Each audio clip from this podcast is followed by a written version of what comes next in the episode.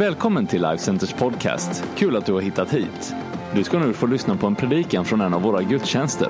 Du är alltid välkommen att besöka Life Center. All information du behöver hittar du på lifecenter.se. Hello, everybody. I am Rod. I am from Australia. I do not look Japanese, but I live in Japan. And uh, we have been living there for 16 years. We have had a wonderful, everybody go, oh, a wonderful time in Japan. And uh, with the funny, wonderful, ah, Japanese people. So, although I don't look Japanese, we fit in. We love the food and the people, and uh, I've been having a great time here in Sweden. Yeah, York älskar Sverige. Yeah, I have a good teacher. Yeah, that's all I got. All right. I, I mean, of course, we got IKEA and uh, Volvo, and used to have Saab, but that's gone, right? So. Uh, they're the famous Swedish words. But, but greetings from my family. Um, we are Australian. My wife is actually from Argentina, so she is a Latina. And uh, had one boy born in Thailand, and we are very international. We, how, how many love the world? Yeah, the world is an amazing place. Amazing place. And uh, we live in a foreign culture. There's my wife. That's not my daughter. That is my wife. And um, I have two boys. They look very Argentinian, don't they? They really do. They've got, they've got that Latino thing going, and um, I'm just a white guy, all right? So a bit. Anyway, that's us, and that doesn't say bad, that says dad, or I was Father's Day. I know you were trying to work out what is that word? And uh, it's actually dad. And, um, but we, we moved to Japan 16 years ago. We were pastoring in Australia in a city very similar size to Vasteras. How many love Vasteras? Yeah. How many love? I've got the other names here somewhere. Here we go. How many love Ludvika? You're over this side. How many love Linköping? That sounds like I like shopping. You live in the town of I like shopping. No. And then there's Vasteras, yeah. So uh, we, uh, we were living in a, a, city very similar to this in Australia called Toowoomba. Toowoomba, it's an Aboriginal word. And uh, we were happily pastoring. God was blessing our church. And I had two little boys then. And my wife had a vision of a big wave. She had her eyes open, but she saw a vision of a big wave. And uh, she said she saw a tsunami from God and we didn't understand it, but it actually changed her her life. She she kept thinking about this big wave, and she knew it was from God because when the wave hit her in her vision, she felt God's love and God's grace. So it was a God wave, it was a God thing, and we felt God was going to move like a wave. And tsunami is a Japanese word. Everybody say tsunami. Oh, very good. Now you're speaking Japanese. Tsunami is a and, and this is the sort of wave she saw in her vision. See the little people? There's people on that beach. There's little people there, like ants. And she saw a wave. It was scary. It was big. And the, you can imagine a vision like that. And it hit her, and she felt God's love. And, and the only thing we knew what to do was to go and visit Japan because she used the word tsunami to describe the picture. So we went to Japan and we, we had a great time. Everybody loves Japan. It's a bit like Sweden in some ways, although very different. Um, there's low crime, and everything runs on time. Everything's perfect, and very nice country. And uh, but it's Japan, and in Japan there are almost no Christians amongst the young population. There are some Christians there, but they're very old people, and uh, the churches are full of very. I'm talking about very old people. Some of the pastors are over 90 years old and still pastoring because there's no new people coming through. So we went there and we heard all these negative things about Japan. And but the thing is that God spoke to us that He's going to move like a. Can we have the wave again? Thanks. Just God's going to move like a, a wave. And so we started in Tokyo 16 years ago. And then eight, uh, ten years ago, we sent out our next church planter to a city called Osaka. Tokyo is a big city. It's 38 million people in one city. The second city, Osaka, is 22 million people. And so you can imagine, they're very, very big cities. Always like Tokyo and Osaka and then other cities. And then we have a church in Hong Kong and Shanghai and China. And uh, we're just really believing that God's sending waves on the earth. And I'm believing for waves for Sweden, aren't you? Let's give the Lord a big hand. Come on. Let's really believe for that. A wave for. And, and I, know, I know Sweden's had some big waves in the past. I know that. But aren't you glad that God's bringing new waves? Aren't you glad? All you young people, aren't you glad? Young people, any young people here? Come on. What, what, any older people glad God's setting a new wave? Yeah, that's right. The older people here are cheering on because we need another move from the Holy Spirit. And uh, when we went to Japan, there was no waves that we could see, but we believing God was bringing another wave. Fantastic. Well, I want to come to my message today. And um, we've built a culture in, of our church in Japan based on a couple of key words. Now, I know that all good churches have a baseline of good doctrine Jesus Christ crucified, and, and risen from the dead, and we're saved by grace.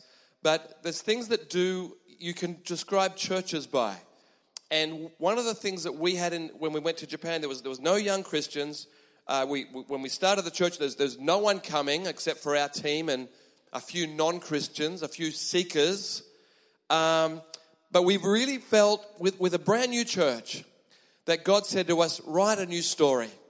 What sort of church did we want? And, and one of the key words that we felt was a church of joy.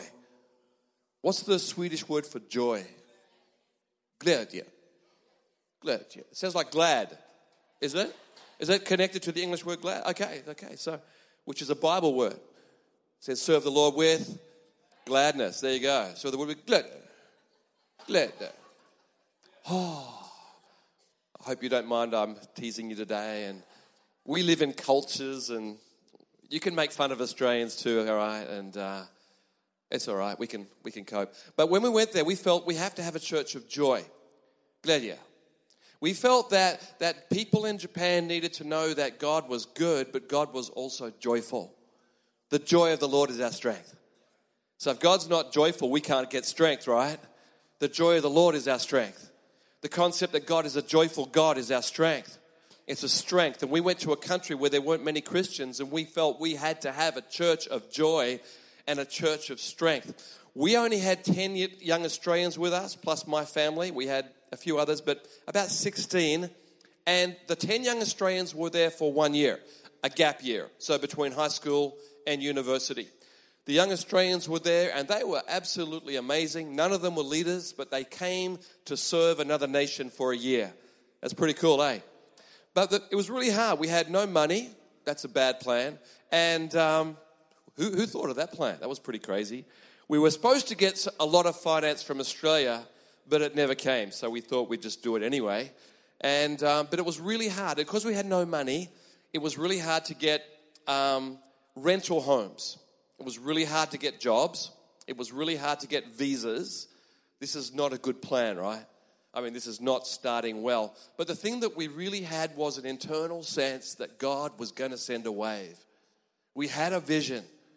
We had a vision from God, and we wanted to start a, a church of joy out of nothing.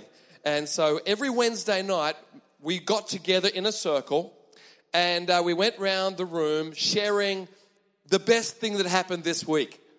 Some of you do that in your homes, don't you? Your kids come home and you're having dinner and you say, What's the best thing that happened at school today? And the kids go, Nothing. And uh, you sort of go, Come on, come on, best thing. And oh, you know. And, uh, and so, but we're creating a culture. We're creating a culture where we have to say something positive, even though there's not much positive. And I, I really feel it's my message today. I've called this message, We Sing It in the Prison because we're going to talk about a scripture in Acts chapter 16. When we went around that circle, week after week, there was very little good news. And so it sounded like this What's the good news? And someone said, um, I almost got a job this week. I didn't get it, but I almost got it. Yay. Next person. Good news this week. Good news. I, I thought about returning to Australia, but I didn't. Yay. Next person. I got on the train. I realized this train actually ends at the airport. I could keep going and go back to Australia, but I didn't. Yay. And you would say that's ridiculous. I would say to you, we're creating a culture of joy. A culture of joy, singing in the prison. And I believe that every culture in the world is waiting for Christians to sing in the prison. My scripture today is from the Philippians, sorry, it's actually from the book of Acts, but it's when the, the church of Philippi started. The first church in Europe, first church in Europe started this day. It started on maybe a couple of days earlier. There was a woman called Lydia who was washing at the river, and the apostle Paul came along to her. It says he was going to where there was a place of prayer. You see, that city of Philippi had no Jewish synagogue. It was one of the only places Paul ever went to where there was no Jewish place of prayer. There was no synagogue, there was few Jews. And so Paul heard maybe there's a couple of Jewish believers near the river. He goes down, Lydia's there, she gets saved, and all of a sudden there's a birth of a new church. They do a miracle in the city. They cast out an evil spirit out of a poor slave girl, um, a human slavery person, and they, they, they, they laid hands, and the spirit left her, and she got full of joy. It's the first day in Philippi, first day in a new city, and, and, and you, you think right now we're, we're on a roll. We're, we're, we're, we're going, we're, this thing's moving forward. We're going forward, but all of a sudden, the owners of the slave girl, and I know that that's a terrible thing, but that's their context. The owners of the slave girl gets really angry at a miracle. Really angry that they lost this, this spirit of divination. So we're going to read the story from chapter 16, verse 22. The crowd joined in the attack against Paul and Silas. By the way, Paul was the senior guy, and Silas was on his first mission trip. His first mission, Paul going with Paul, it's going to be great. It's going to be amazing, all right? And the magistrates ordered them to be stripped and beaten. What happened to the mission trip? After they had been severely flogged, they were thrown into prison, and the jailer was commanded to guard them carefully. Now, one of the key parts of this story is the, the, the prison guard. It's, it's going to be a really key part of the story because the prison guard was a really bad man. The prison guard didn't care about flogging innocent people. This prison guard was just under the Romans. It was a Philippi was under the Romans. They had the Roman law, and that means they could flog people and even crucify people. It was a it was a tough system, and the jailer was there. This man, the jailer.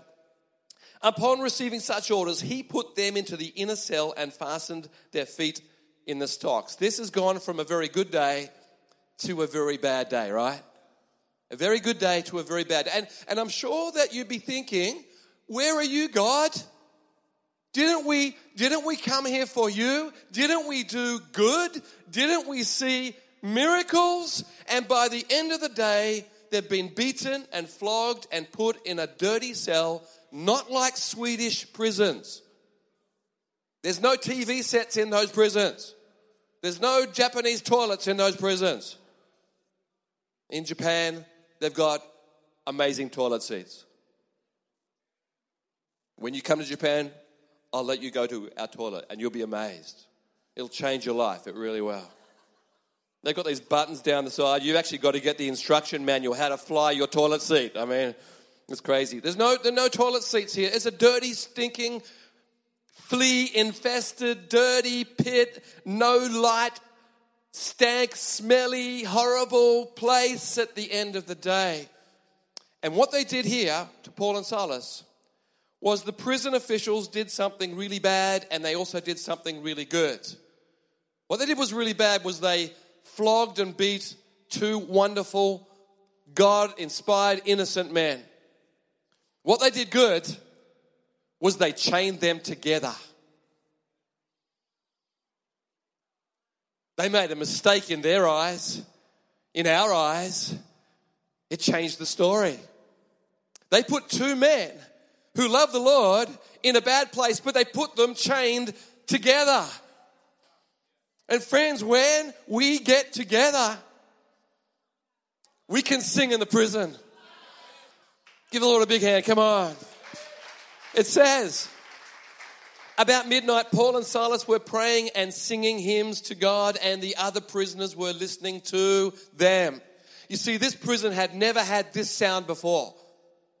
This prison, we know, we know that. It's the first time the gospel's here. That prison would have never had joyful singing before in its history. It's a first time, it's a debut night.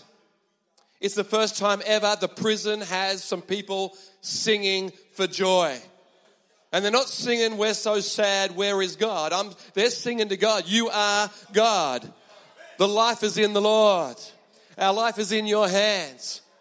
And the other prisoners were listening to them. I want to tell you, friends, when we go to any country of the world and we sing in the prison, people are going to listen because we're doing something very unusual. We're not going to be part of the complaining group. We're not going to be part of the whinging. We use the word whinging. Is that a, you know that word? Maybe that's Australian. Doesn't it sound terrible? Whinging. I'm just, I'm just whinging. It's Australian. It means complaining. It means blah, blah, blah, blah, blah. Do you know whinging sounds the same in any language from a distance? It sounds like this.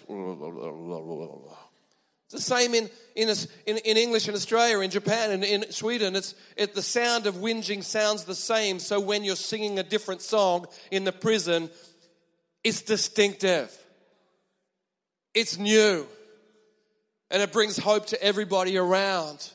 Now, these guys weren't trying to sing to the other prisoners, they weren't saying, Have I got any requests tonight? We'll sing that song from Oasis. Okay, we'll sing that one. Here we go. No, no, no. They're singing to God. They're not singing to the other prisoners, they're singing to God. And God's up in heaven hearing this sound, and I believe God starts getting into the sound. He's getting the angels saying, Did you check these guys out? Paul and Silas. It's going to be in the Bible. Get that written in the Bible, angels. Okay, they work it out and with the inspiration into, into Paul, the apostle, and he writes it. Or whoever was there. God's up in heaven going, wow, that's amazing. God starts tapping his foot. The Bible says the, the earth is God's footstool. And all of a sudden, there's a big earthquake. There's a big earthquake. In the eyes of the jailer, can it get any worse. Yeah, it, it's going to get worse. You see, the jailer, being a Roman jailer, knows that if you let any prisoner free, you will take their place. Everybody knows that, right? Back then. Everyone knows the, the, the penalty for allowing a prisoner to go free is you will now become that prisoner. It's very serious. So, in the midst of, of all this thing, it says that suddenly there was a violent earthquake that shook the foundations of the prison and once, once all, at once, all the prison doors flew open and everybody's chains came loose. How many people's chains got loose that night? Everybody. Now, sometimes God will send an earthquake. And I've discovered in the Bible there are some earthquakes from God and some earthquakes not from God. And I've discovered in life there are some things that happen that are from God and some that are not from God. This earthquake was from God. And there were other earthquakes in the Bible that were from God. When Jesus died on the cross, there was an it was an earthquake to jolt and shock the world that something had shifted and changed. There were godly earthquakes, and here's the proof of a godly earthquake. Nobody got injured. Nobody got injured at Jesus' earthquake either, except Jesus. You see, this earthquake was from God. And friends, I tell you, in this world that we're living in, earthquakes happen. We're living in earthquakes, earthquakes of, of changes. We're in a world right now of great change the social media and the, and the, the politics and the, the immigration situation and the, and, and the you, you, you, you, you think about it, we're living in a new world. It's a bit of an earthquake.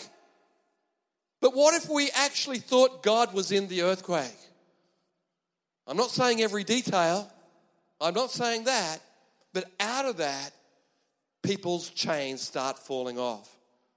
You see, if we have the eye to see what God sees, we see opportunity. We won't see problems, but we'll start to see solutions.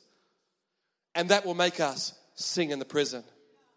Because all of a sudden, without a future, now we're seeing What could God do? What will God do? And how could we be a part of what God is doing? And I believe I'm speaking to a lot of Christians here that love the Lord. And the greatest thing in your heart today would be that you would be used by God, right? That this one life that we have, whether you're young or old, come on, we got years left. We got more years. We got more time. We can make new decisions. We can help a few new people. We can pray for more people. We can see things happen. Come on. The whole thing about their situation was there was great future no matter what was happening.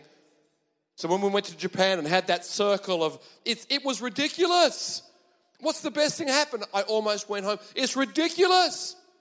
And yet, out of that, we forged a spirit of joy.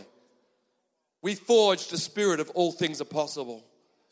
We forged a spirit where our team would go and meet more people on the street, and we'd go to the street with a guitar and, and we'd sing a song, and, and, and no one was getting saved. In Tokyo, no one was getting saved. What are we doing? We're, we're, we're serving the Lord, and then what do we do? We keep singing. What do you do? You keep singing because the alternative is too bad. The alternative is to grumble and complain and say, Where is God? I've done it. I've done it. And I don't want to do it anymore, right? I believe that as we respond well in the moment of crisis, we're going to see great miracles. And we're going to see a world, the chains are going to fall off. Not everyone, but the ones who are actually hungry. It says, the jailer woke up, and when he saw the prison doors open, he drew his sword, was about to kill himself because he was going to take their place. And Paul yells out, We're all here.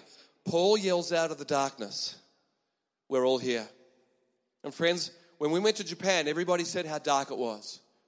The history is bad. It is. It really is. There's some really bad things that happened in World War II and other things. There's some really bad things. Some really bad things. And, and others would say, oh, you know, the, the, the demons in Japan are so big. And, and we looked at each other and said, that's funny. All we sense is the presence of God. You see, we need to have a right theology of darkness. The Bible says that Jesus came and darkness could not overcome it. It says that greater is he that's in me than he that's in the world. See, the scriptures say clearly that, that the kingdom of God is within you. This year we had the great privilege, Viv and I, of going to Jerusalem. We had a, we loved it. It was awesome. It was great. We, we just, it, amazing. And went back to Tokyo where there's very few Christians. And someone in the church from another country said, Pastor Rod, did you feel the presence of God more in Jerusalem than in Tokyo? You get the question? Is the presence of God thicker in one part more than another? And I said, No. I feel God exactly the same here in Tokyo because the kingdom of God is within you. You've got to have that revelation. In the darkness, we're all here. We're staying. We're with you. We are praying for you. We love you. Come on, give the Lord a hand. I love this story. I'm telling you the story because I love this story. It's a great encouragement to me.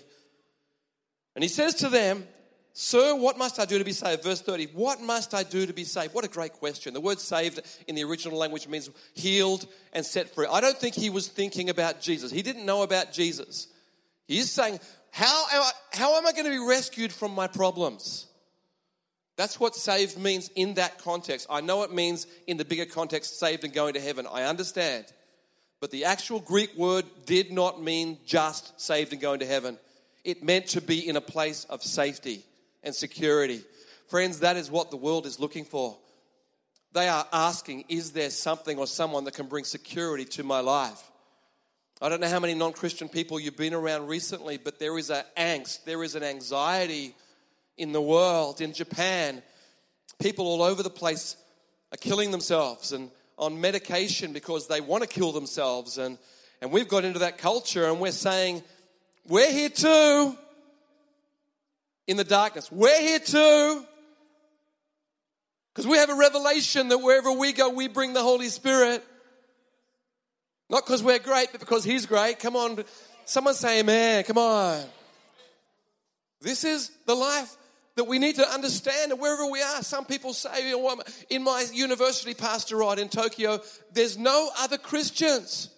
I say, you're there, good, stay there. Because you're bringing the light into that dark place. This jailer, this jailer, his life is about to be changed even more as he asks the question How do I get safe? Friends, people aren't going to ask you, Tell me all about Jesus. They're going to say, How do I get safe? And you need to know that's code word for help. Amen? I tell you, this new generation is coming through right around the world called the millennials. I love them. I love them. I love them. Older people pray for them. Amen. I believe they could be the greatest generation this world has ever seen. They're so connected, they're so wealthy, they're so educated, and yet they want to be safe. How do I get saved? How do I get saved? Aren't you glad that the answer was one word? Well, it was more than one, really, but the one word that was really key was believe. Believe. I love that because Paul and Silas did not say, Come to church. They didn't say there's a special ceremony you need to do to get free. They didn't say give some money. They didn't say pray. They didn't say fast. Now, that's all good stuff, and I believe in it all. But what they said to that person in the first conversation was believe, and it will change your life. Friend, I believe we have to be people who bring hope, don't you? What do I do? God is good. It's called the good news. I was talking about it last night. In Japan, good news means friendship, it means healing. It means all that, that feeling about committing suicide is, is going to actually drop to the ground. And I believe it's the same here in Sweden. There are people really, really, really asking, What do I do? What must I do? And our answer is really important, church. Our answer is really important. I, I, I used to be a, a salesman, all right? And in sales, they taught you when you sell something, there's two different words. I'm sorry, this is going to be hard in Swedish, but anyway, you, you probably will understand. There's features and benefits. So, so if I'm selling you a computer, the feature is that it's got so many gigabytes and this RAM and it's got this outlet, or that's the features. And I'm, I, I, I don't care because the person hasn't even asked me, what do you want to use it for? You see, benefits is how it's going to solve my problems. And I find that when people are asking, what do I do? Sometimes we give features, but there's no understanding of benefits. Now, stay with me this. This is not compromising, this is thinking. This is thinking. Because often when you get the question, what must I do? You only get one shot at it. You only get one shot. You only get one sentence. What's the sentence going to be? Why do you go to church? Why do you believe in Jesus? What's your sentence going to be? Some people say, oh, I don't know. Some people, ah, oh, because the family goes. But the really good answer would be, what has God done in your heart? What's He done? In Japan, we teach our young Japanese to answer that question well because their family is going to ask them, Why do you go to church? Why do you believe in that foreign God? The answer is really important, right? Here's a really good answer. I was really lonely and now I have friends. It's a really good answer. Because people go, huh? Or, you know, I used to think about killing myself, but now I'm sort of getting over that. And I'm thinking about hope. It's a really good answer. Now, I know it's not what we want to say. We want to tell them all about the cross. But they, that's later, up front with one question What must I do to be saved? What must I do to be, to be healed? What must I do to be. Think about what God has done in your life. Because people want to know what Jesus has done in your life. They do. They really do.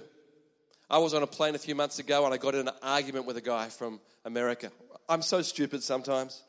I'm preaching to myself here today. Wow. Ah.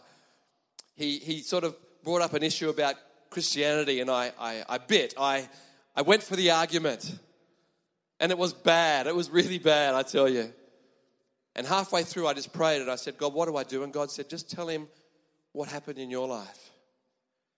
And I said, You know, I'm sorry about all this, but the reason why I believe so strongly in God is because I probably wouldn't be here except for God. And he went, Tell me about that. Tell me about that. Because people cannot argue with your story. They can't. They cannot argue with a story. And you've got a story. And some of you are from Christian backgrounds and you think, I don't have this really big story. Yes, you do. Your story is that God has helped you, healed you, set you free. My wife's a very, very good girl. She got saved at 16 from a good family. And I said to her, What did God do for you? And she said, You wouldn't believe the sort of blackness I had in my heart about the future. And it just left my life. And so, so it's not about doing bad things. Is that okay? It's about having an answer when the earthquake comes, when the change comes. I'm going to bring this to a close, but I'm really excited about this. He goes home to his family, and it says the whole family got saved that night. It's the start of the Philippian church that Ulrika was reading for Philippians 4 4. Rejoice in the Lord always. Again, I say rejoice. Paul is writing to this church years later. Where was Paul? Paul was in prison in Rome. Paul's in prison writing, rejoice. Paul never stopped learning the lesson of singing in the prison. Paul's writing in the prison. Paul's encouraging in the prison. Paul's doing everything he can for people. And I'm just so excited that God has that for us as well. As I finish this today, I just want to say to you, we have built a, a, church of joy. If you come to our church, it'd be like this church, not much different, really very, very similar, which is great. But we have created such a culture where the Japanese have joy. Isn't that great? They're, they're singing and they're, they're laughing and they're joking, and, and people come in, non Christians come in, and they look at our Christians and they think they're fake. They think they're fake.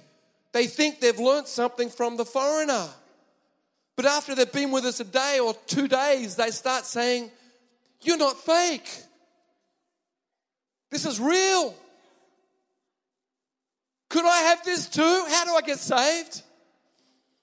Because the joy of the Lord is our strength. The joy of the Lord is our strength. I'm going to finish with my very famous favorite scripture from the Psalms. I, I love the Psalms. I used to not like the Psalms when I got saved because I was so broken. When I got saved at 19, I was really broken. I was destroyed. I couldn't understand the Psalms. Isn't that weird that a, a person doesn't, didn't like the Psalms? That was me. What's Jesus done for me? He took out my heart of stone, gave me a heart of flesh. I didn't believe in marriage when I got saved. Now I've been married for 32 years. My dad walked out on me when I was eight. Now I've got these two beautiful young adult boys who love Jesus. What has Jesus done for me? Psalm 100, verse 2 says this it says, Serve the Lord with gladness. Glere. Was that the word? Glere? Serve the Lord with glere. Will you stand with me today? I'm not preaching this to you, I'm sharing this with you. Is that okay? That I believe that this world of young millennials are looking for joy. They might think it's fake at first, but that's okay because we're going to be singing in the, in the prison. And when you sing in the prison, it's real. It just got real in here. When we start singing in the hard times, it just got really real. And the world is saying that's not fake. How do I get saved? How do I get safe? Friends, I want to pray for us right now, and then I want to pray for our people around us. Is that okay? We close our eyes for a moment. Lord, I'm praying for us for me. And I want to thank you for what you've done in my life. And I pray we'd think right now of the benefits of following Jesus friendship, freedom, love, healing, forgiveness, heaven, family. Oh, there's so many. Grace, joy, peace, good sleep, healthy hearts, healthy minds. Thank you, Jesus. Oh, I feel his presence as I say all that thing because that's the benefits of following Jesus. And friends, I'm just going to ask you to think about what has Jesus done for you? It's a great question. I, I know it's an obvious question, and you're thinking, well, he saved me. Yes, he did, but what is what are you going to say to others? What would you say to a world that is unsafe, in darkness? Jesus, fill our hearts with thankfulness. We're going to serve the Lord with gladness. I feel His presence right now.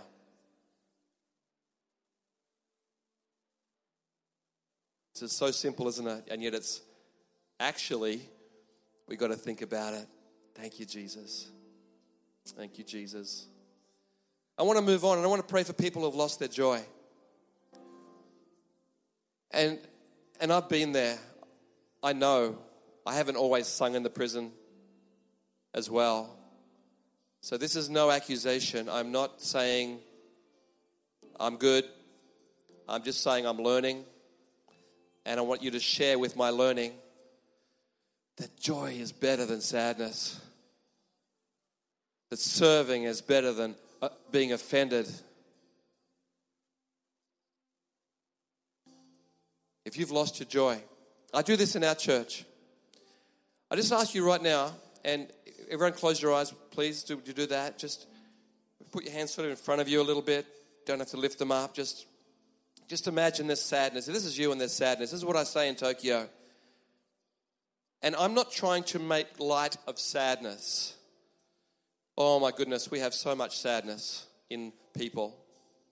But we've also seen people get free of sadness. We've seen it happen in a moment. And I want to pray right now that some people are going to lose their sadness right now.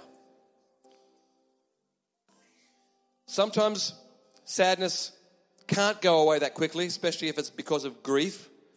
Someone has died, I understand. Or because of a recent thing, I understand. But I've found with Christians sometimes there's a sadness for a long time, and we can't even understand why. That's the sadness. If you have your hands in front of you and you want to pray with me, I'm going to ask you to drop your hands in a moment. And that's going to be a sign of you dropping your sadness. You're just going to drop your sadness and you're going to walk out of sadness in this meeting.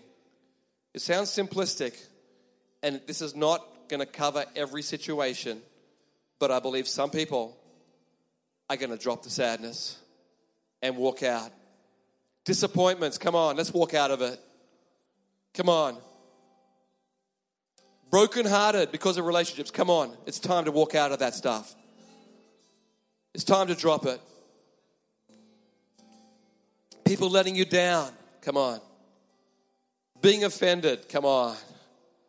We've all been there. Oh, I just feel His Holy Spirit right now. I feel His Holy Spirit. Well, every eye's closed right now. Jesus, I pray you touch us and you fill us with your the joy of the Lord. Is our strength. It's our strength right now.